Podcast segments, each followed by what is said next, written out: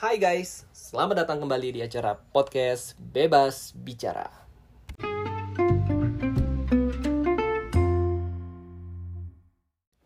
Balik lagi ketemu dengan gue, Papino.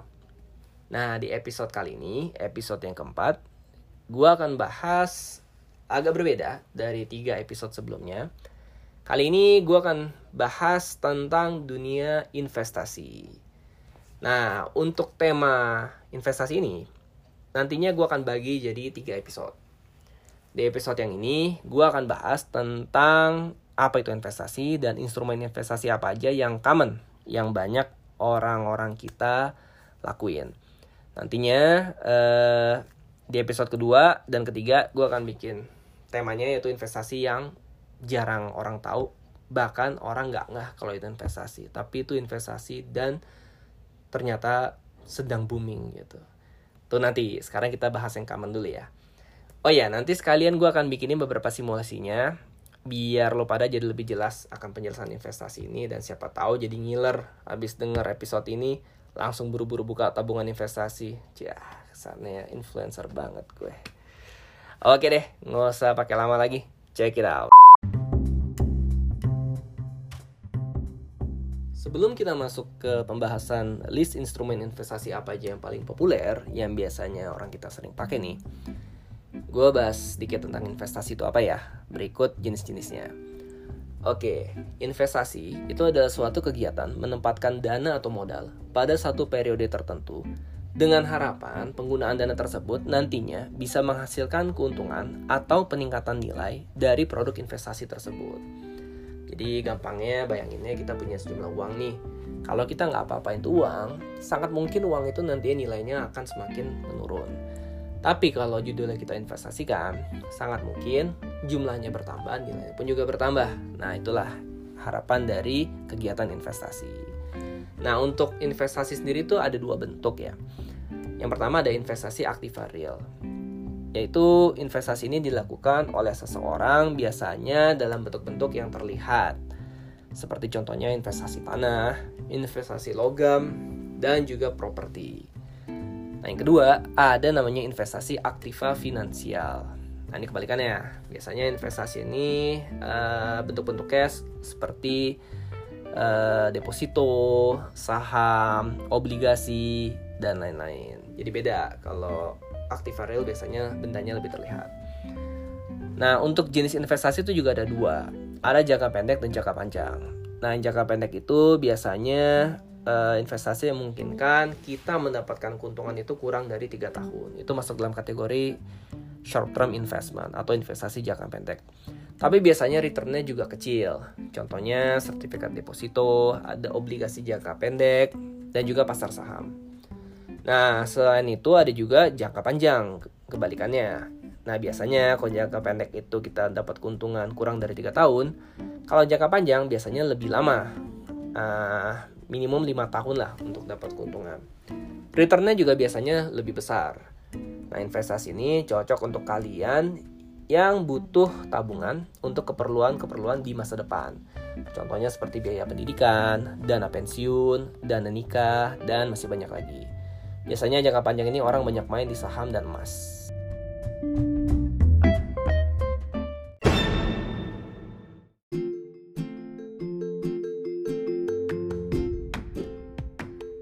Oke, sekarang kita masuk ke bahasan instrumen investasi apa aja yang paling populer, yang paling sering dipakai sama orang-orang kita. Nah, di sini gue udah list beberapa. Kita bahas satu-satu ya. Uh, kita akan mulai dari yang pertama, yaitu deposito. Garing banget ya. Deposito itu kurang lebih mirip seperti tabungan sih. Cuma bedanya, dia ini nggak bisa kita ambil sewaktu-waktu, semau kita. Karena dia ada tenornya. Rata-rata sih 12 bulan ya, tapi ada juga yang gue cek sampai 24 bulan atau alias 2 tahun. Selain itu, deposito ini terkenal suku bunganya emang jauh lebih tinggi dari sekedar tabungan biasa. Di deposito, secara umum, suku bunga yang ditawarkan itu bisa mencapai 5-6% per tahun. Bahkan ada juga yang lebih dari 6%. Ada yang 7% gitu, tapi jarang ya. Tapi ini emang kalau dalam keadaan sekarang-sekarang ini, emang suku bunga ditawarkan tuh lagi kecil-kecil banget. karena cuman ada di range sekitar 2,5% sampai 4% per tahun. Dan ini terjadi karena memang sangat-sangat dipengaruhi oleh kondisi ekonomi saat masa pandemi ini. Tapi itu juga tergantung kembali lagi ke banknya masing-masing sih. Biasanya bank makin besar itu makin ngasih dikit suku bunganya daripada bank-bank yang skalanya lebih kecil. Biasanya mereka ngasih tawaran suku bunganya lebih besar. Tapi kadang teori itu nggak berlaku sama bank-bank internasional. Karena mereka biasanya suka ngasih suku bunga itu lebih gede dibanding bank-bank swasta ataupun bank-bank BUMN. Nah, kenapa sih deposito ini banyak banget dipilih orang sebagai instrumen investasi? Karena satu alasan yang paling penting sih bro, resikonya sangat-sangat rendah. Jadi ini kurang lebih kayak buka tabungan biasa sih, hampir nggak ada resiko. Jadi kalau untuk investor pemula, menurut gue deposito ini bisa jadi pilihan yang sangat bijak. Gue kasih simulasi dikit ya. Misalkan kita asumsi bunga deposito itu 7% per tahun, kayak beberapa tahun lalu. Nah, misal kalian nabung nih, 1M, naruh duit di deposito 1M. Itu kalian bisa dapat 70 juta loh per tahunnya. Dan kalau misalnya dibagi 12, per bulannya kalian bisa dapat passive income itu sekitar 5,8 jutaan. Dari tabungan yang kalian masukkan di situ sebesar 1M. Jadi deposito ini melahirkan passive income per bulannya. Nah, itu kalau 1M. Bayangkan kalau kalian masukin 200M. Misalnya kalian dapat proyek gede gitu ya, atau kalian sudah nabung tiba-tiba ada duit 200M. Anggur gitu. Kalian masukin nih ke deposito nih karena kalian mau pensiun misalnya gitu. Udah ah, cukup kalian masukin deposito. Itu per per tahun kalian bisa dapat 14M penambahan dari modal investasi kalian di deposito. Sehingga kalau dihitung per bulan, kalian bisa dapat 1,2 M. Nggak ngapa-ngapain loh tuh. Kebayang kan? Jadi menarik banget deposito ini karena bisa menghasilkan passive income tanpa ya seperti lagi investasi gitu loh. Jadi duit kita yang sudah bekerja dan menghasilkan sendiri. Mantap kan? Itu deposito. Nah, selanjutnya ada emas. Bagi kalian yang suka sama investasi yang ada fisiknya, yang lebih jelas, emas ini bisa jadi pilihan untuk kalian. Karena sama dengan deposito ya, emas ini juga beresiko rendah. Nilainya cenderung stabil dan terus mengalami peningkatan setiap tahunnya. Kalau saran dari gue sih, baiknya nyimpen emas ini bagusnya tuh emas batangan ya, ketimbang emas perhiasan. Karena emas batangan itu murni dinilai dari beratnya Nah untuk tempat nyimpennya nih, biasa kan suka ribet ya, habis beli emas banyak terus bingung nyimpen di mana ya gitu di lemari ke atau bawa kasur kan nggak nyaman ya. Ada dua pilihan, either kalian bisa beli safe deposit box sendiri, kalian taruh di rumah, atau kalian bisa nyewa safe deposit box di bank kalau nggak mau ribet. Tapi ada biaya per bulannya. Biaya itu tergantung ukuran box ya. Tapi rata-rata biayanya itu kisaran dari 250.000 sampai 600.000 lah. Dan itu per tahun. Nah, untuk ukuran emas itu juga macam-macam. Ada yang dimulai dari paling kecil 0,5 gram sampai paling gede 1 kg. Gue kasih perbandingan lagi ya. Kalau dulu nih, kalau nggak salah ya, sekitar, sekitar tahun 2015 atau 2016, beli emas ukuran 1 gram itu sekitar 550 ribu rupiah. Sekarang nilai 1 gram itu sudah 941 ribu. Gokil nggak? Berarti ada penambahan value atau nilai sekitar 391 ribu. Jadi bayangkan kalau saat harga masih 550 ribu itu kalian sudah ngumpulin emas sebanyak 1 kg Berarti kalian saat itu mengeluarkan modal sekitar 550 juta. Nah pada saat sekarang nih 550 juta kalian itu sudah bernilai 941 juta. Udah hampir satu miliar. Well ya peningkatannya dahsyat ya. Oke juga ya selama lima tahun uh, segitu ya udah bisa beli Toyota Alphard lah minimal kemudian ada obligasi. Nah instrumen ini bisa juga disebut sebagai surat utang. Jadi sistemnya ini kalian memberikan utang ke perusahaan atau negara. Keren ya ke sana ya. Kalian ngasih utang ke perusahaan atau negara gitu. Mereka berutang sama kalian. Hmm. nah nanti mereka-mereka ini yang berhutang kepada kalian baik itu perusahaan atau negara akan membayar ke kalian utangnya plus keuntungan dari investasi ini, yaitu berupa bunga. Nah, obligasi paling aman dan paling banyak peminatnya itu adalah obligasi-obligasi yang dikeluarkan oleh pemerintah. Kenapa? Karena biasanya alasannya lebih aman aja sih. Seenggak-enggaknya, kalaupun terjadi apa-apa dengan proyeknya, amit-amit, mereka masih punya dana cadangan lah untuk bayarin obligasi ini. Nah, untuk obligasi ke perusahaan juga oke, tapi ya pintar-pintar kalian aja yang pilih perusahaannya. Tentunya pilihlah yang perusahaan yang sehat, yang memiliki fundamental yang baik, dan tentunya punya reputasi yang bagus. Kemudian ada falas atau valuta asing. Pernah dengar nggak istilah trading forex? Nah, itu yang dimaksud falas. Maksudnya, kita bisa transaksi menggunakan mata uang negara lain, contohnya kayak US dollar, British pound sterling, euro, dan lain-lain. Pokoknya mata uang negara lain. Nah, gimana sih cara investasi falas ini? Caranya yaitu kita beli mata uang asing tersebut, dolar, pound sterling atau euro dan lain-lain itu pada saat harga mereka lagi rendah. Kemudian kita jual lagi saat nilainya berada di level tertinggi. Misal, nilai 1 dolar nih sekarang stabil ya, kurang lebih di 14.400 rupiah. Kemudian ada saatnya nih tiba-tiba kalian ngelihat nilai rupiah ini lagi menguat nih, misal di 14.000. Yang tadi 14.400 sekarang 14.000 lagi menguat. Nah, di saat itu kalian belilah uh, dolar gitu. Let's say misalnya kalian beli 100.000 dolar gitu ya. Berarti kurang lebih kalian mengeluarkan modal 1,4 M. Kalian menyimpan 100.000 dolar. Nah, Misalnya pada saat itu berapa saat kemudian dolar kembali nih ke nilai 14.400 di keadaan sebelumnya. Kalau saat itu kita jual dolar kita yang kita punya yaitu 100.000 dolar itu, maka kita akan mendapatkan kurang lebih sekitar 1,44 M. Jadi 1 M 440 juta rupiah. Sehingga dari modal awal kita kita dapat margin 40 juta rupiah.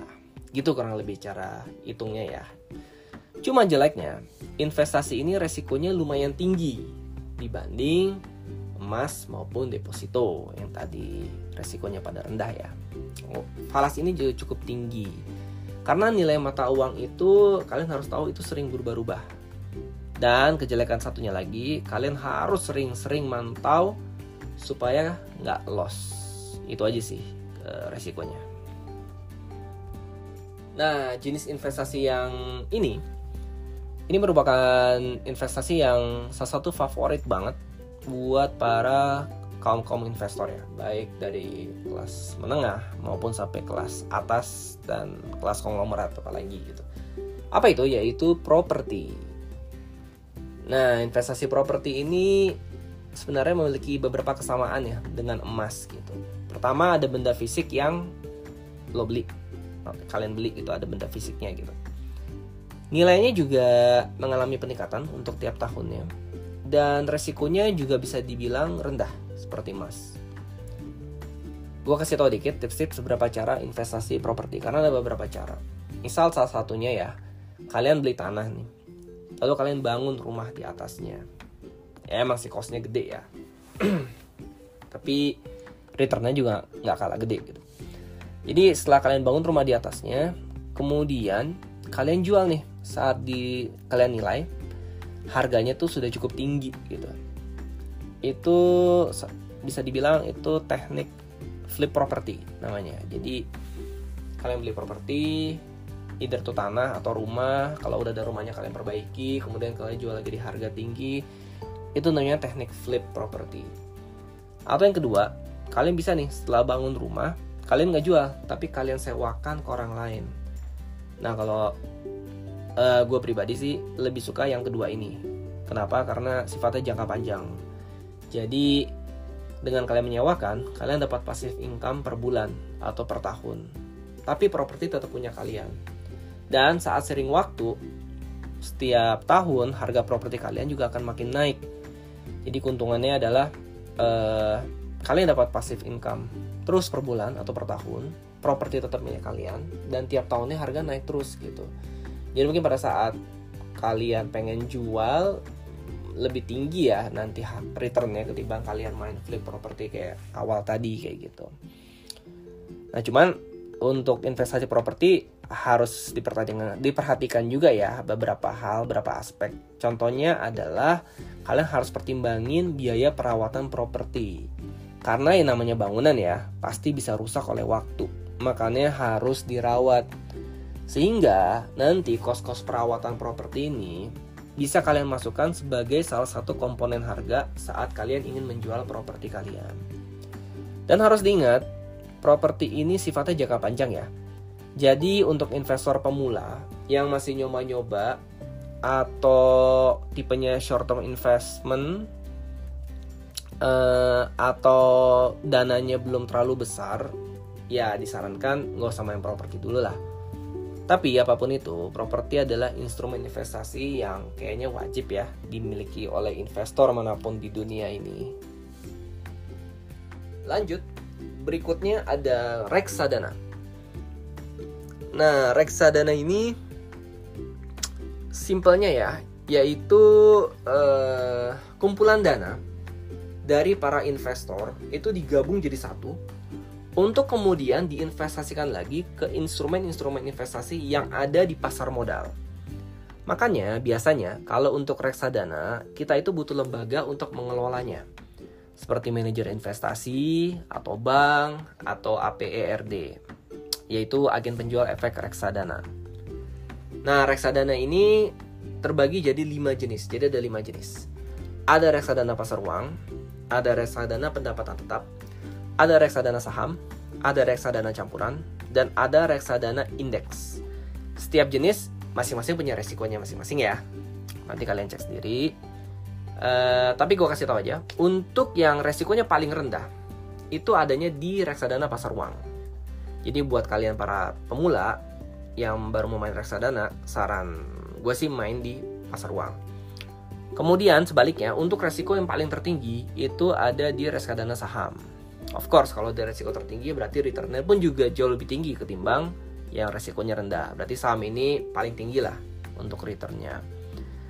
Memang semua tergantung kembali uh, ke profil masing-masing investor ya. Paling cocok itu yang mana? Kan ada juga tipe investor yang pengennya aman, ada investor pengennya uh, high risk tapi high return, ada juga kan. Makanya disarankan investor ini harus tahu dulu tujuan investasi dia apa gitu. Kemudian dia harus berkaca pada dirinya bahwa gue ini tipe risk taker atau main aman ya gitu. tipe short term atau long term ya gitu. nah baru deh dari pertanyaan kepada diri sendiri itu kita bisa pilih produk reksadana mana yang paling cocok untuk kita tapi sekali lagi buat investor pemula sih reksadana menurut gue bisa jadi pilihan yang tepat untuk belajar investasi nah list kita yang terakhir ini itu adalah list instrumen yang paling potensial tetapi paling beresiko tinggi. Kurang lebih itu gambaran instrumen investasi ini. Apa itu? Dia adalah saham. Saham adalah bukti kepemilikan kita terhadap suatu perusahaan. Jadi kalau kita membeli saham suatu perusahaan, means kita membeli sebagian kepemilikan atas perusahaan tersebut. Dan semakin banyak kita beli lembar sahamnya, Artinya, makin besar pula kepemilikan kita atas perusahaan tersebut. Bicara soal return, dari investasi saham ini ada dua. Pertama yaitu dividen. Apa itu dividen? Simpelnya gini. Uh, dividen itu penjelasannya adalah pembagian profit bersih dari perusahaan ke para pemegang saham sesuai porsinya masing-masing. Contohnya misalnya satu perusahaan, perusahaan A uh, di akhir tahun punya keuntungan misalnya let's say 1 M ya kan nah, cuman tuh belum bersih karena masih ada potongan INA itu INA itu segala macam sehingga profit bersihnya dari 1 M itu menjadi 500 juta nah 500 juta inilah yang siap dibagikan kepada sebagai dividen yang dibagikan ke para pemegang saham sesuai porsi masing-masing. Misal kalian memiliki kepemilikan 10% di perusahaan tersebut, maka dari 500 juta itu yang siap dibagikan berupa dividen kepada pemegang saham, kalian mendapatkan hak 10% dari situ, yaitu berarti 50 juta. Itu yang dimaksud dengan dividen. Biasanya, kegiatan dividen ini dilakukan secara annual atau alias per tahun ya. tiap akhir tahun gitu misalnya tapi ada juga yang suka buatnya dalam hitungan bulan sih. Ada juga. Atau per kuartal gitu ada juga. Tergantung uh, skala perusahaannya juga biasanya. Tapi ada juga perusahaan yang nggak suka ngebagiin dividen. Karena keuntungan mereka itu dimasukkan lagi ke dalam tambahan modal. Agar usaha mereka jadi semakin besar. Nah, ada juga tuh. Nah, buat kalian yang berinvestasi di saham perusahaan-perusahaan seperti ini, return yang kalian dapatkan itu biasanya berupa capital gain. Nah, ini nomor duanya nih. Kalau nomor satu dividen, nomor dua adalah capital gain. Apa tuh capital gain? Yaitu penambahan nilai saham dari saham yang kita punya. Jadi, semakin besar perusahaan itu berkembang, maka nilai saham kita pun akan semakin besar. Sehingga saat kita jual saat kita jual saham kita, itu harganya pun akan berkali-kali lipat dibanding saat kita beli. Nah, gue ada cerita menarik nih soal saham yang pengen gue share ke kalian. Kalian pasti tahu uh, vokalisnya YouTube kan yang namanya Bono. Pasti tahu dong gitu. Apalagi para penggemar musik rock kayak gue pasti tahu tuh Bono. Nah, Bono ini memang Bono ini sebelumnya udah kaya ya. Dari hasil bermusiknya bersama YouTube dia ini sudah kaya gitu. Sehingga dia pernah diminta untuk berinvestasi, beli saham di Facebook tahun 2009. Waktu itu Facebook keadaannya belum IPO ya, belum IPO gitu. Nah, Bono diminta untuk jadi salah satu investornya. Waktu itu Bono hanya membeli uh, sekitar 2,3 persen saham Facebook 2,3 Tapi kalian tahu yang dia keluarkan berapa untuk membeli 2,3 persen saham Facebook itu? Dia mengeluarkan 86 juta dolar, bro, atau sekitar 1,2 triliun. 1,2 triliun untuk hanya beli 2,3 persen saham Facebook sebelum mereka IPO. Gokil ya, gede banget. nah, saat Facebook IPO yang waktu itu pada tahun 2012, Bono meraih keuntungan dari hasil investasinya mau tahu berapa? Sekitar 1,5 billion dolar atau sekitar 21,3 triliun rupiah. Lu bisa bayangin nggak coy? Berapa kali lipat tuh diterima dari dia invest 1,2 triliun tiba-tiba dalam kurun waktu di IPO tuh berarti tiga tahun ya setelah setelah di IPO itu investasi dia berlipat-lipat nilainya menjadi 21,3 triliun. Wow berarti dia ada keuntungan sekitar 20,1 triliun. Yes itu marginnya dia dari hasil investasi dia di sahamnya Facebook. Nah itulah dasarnya dasyatnya saham. Tapi harus diingat, saham itu instrumen yang resikonya paling tinggi. Tentu, case kayak Bono ini nggak lantas ujuk-ujuk dialami mayoritas investor saham lainnya. Oh, no, no, no. Jangan berpikir seindah itu. Ini kejadiannya mungkin satu banding sekian lah kayak Bono kayak gini gitu. Tapi nggak nutup kemungkinan bisa seperti itu juga sih. Kalian tuh kita gitu ya, atau gua bahkan amin gitu. Nah, untuk jadi investor saham, kalian itu harus punya basic-basic pemahaman dan analisa yang cukup mendalam sebelum memutuskan untuk membeli saham sebuah perusahaan. Ya mungkin selain itu, selain kalian punya basic fundamental untuk uh, belajar tentang saham, mungkin faktor X juga berlaku kali ya. Yaitu biasanya feeling sama keberuntungan sih. Kayak Bono itu mungkin semuanya kali ya dia punya analisa bagus, dia punya konsultan, mungkin dia punya konsultan yang ngasih tahu dia uh, opportunity yang bagus terus dia juga punya feeling kali ya. Dan kebetulan keberuntungan juga lagi ada di dia ya ketemulah. Jadilah dia satu dari sekian itu yang bisa mendapat uh, kekayaan dari saham dari investasi saham dia gitu. Nah kalau mau main aman untuk awal-awal mending saran gue main aja dulu uh, saham tapi reksadana. Jadi yang produk reksadana saham tadi yang sebelumnya gue ceritain itu aja dulu karena walaupun returnnya lebih kecil tapi at least resiko pun lebih kecil oke itu list-listnya